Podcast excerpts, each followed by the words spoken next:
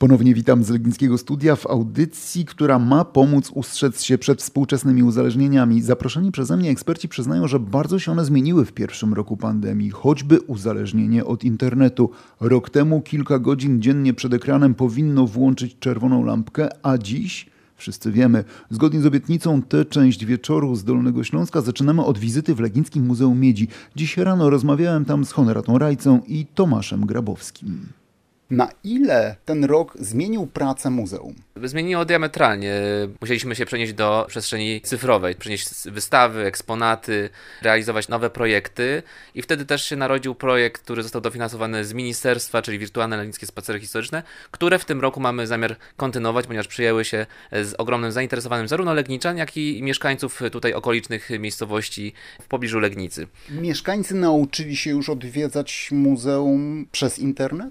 Tak, świadczą o tym spore statystyki ze strony internetowej, z YouTube'a czy z naszego e, Facebooka, ponieważ widzimy tam znaczny wzrost, zarówno przy wyświetleniach filmów czy też postów. E, ludzi to po prostu interesuje. W momencie, kiedy nie mieli dostępu do tego muzeum, w związku, że było zamknięte instytucje kultury, raz się otwierały, raz się zamykały, więc musiały, musieli ci, ci ludzie przywyknąć do tego i coraz częściej zaglądali na, na nasze strony. Do miękkiego fotela człowiek szybko się przyzwyczaja. Nie trzeba wychodzić z domu, żeby zobaczyć zasoby Muzeum Miedzi. Jak to dzisiaj wygląda? W momencie, kiedy muzeum jest otwarte, częściej ludzie sięgają po klawiaturę, siadają przed ekranem, czy przychodzą tutaj na miejsce? Nie, z pewnością sięgają częściej y, po naszą internetową ofertę i też my się do tego dostosowujemy. Przygotowujemy nowe wystawy, w internecie prezentujemy też nasze muzealne eksponaty. Cały czas staramy się wzbogacić tę naszą ofertę. W tej chwili nawet mamy taki plan, żeby organizować lekcje muzealne przez internet, bo jednak no, jest problem z tym, żeby przyprowadzić tutaj uczniów, a to była bardzo duża część odwiedzających. Ludzie się boją wirusów i dlatego unikają takich przestrzeni, czy po prostu wygodny tryb życia.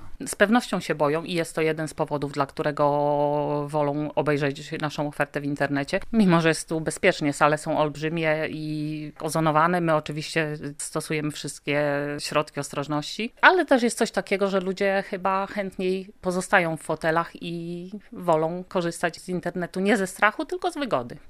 Zakładając optymistyczny scenariusz, że za tydzień, miesiąc, rok skończy się pandemia, zapanujemy nad COVID-19, wycofacie się z tej obecności w internecie?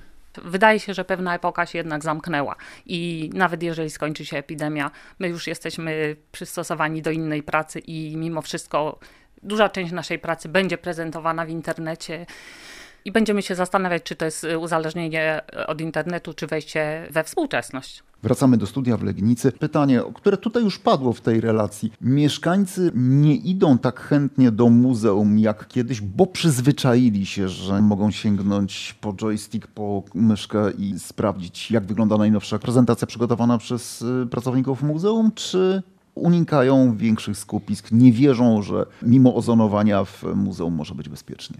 Końcu mogę zabrzmieć jak prawdziwy psycholog. To zależy. Jedni cieszą się, że mogą jednego wieczoru oblecieć 3-4 wystawy w różnych krańcach świata. Być na koncercie rano, obejrzeć spektakl do obiadu, a wieczorem podziwiać e, jakąś dotychczas niedostępną wystawę. I to jest plus. Z drugiej strony no coś tracimy, bo nie uczestniczymy w pełni w tym wydarzeniu, tylko nie musimy się już ładnie ubierać, tak? Nie musimy myśleć o tym, jak to będzie, nie ma tej ekscytacji, siadamy, otwieramy kompa i mamy cały świat y, kultury i sztuki w zasięgu ręki. To jest wygodne, ale też sporo tracimy.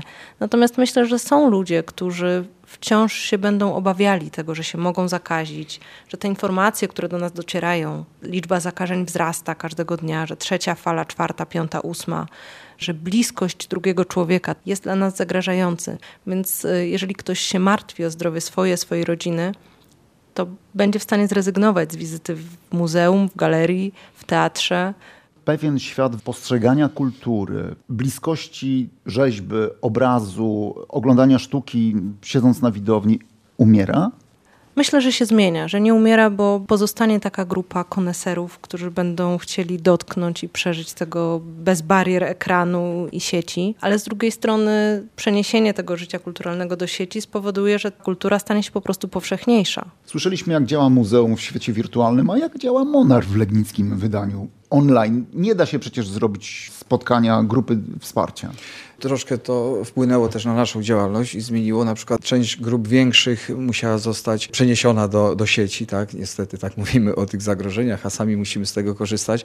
Osobiście e, dużo bardziej wolę i cenię kontakt e, realny z człowiekiem e, face to face niż mówienie przez szkiełko, no ale jest to znak czasu, że po prostu, żeby nie tracić kontaktu, jednak część przez Skype'a, Zooma w takiej formie realizowaliśmy te działania grupowe. Natomiast indywidualnie ludzie mogą przychodzić i czy w mniejszych grupach one u nas działają, czy powiedzmy jako konsultacje rodzinne w mniejszych grupach tak.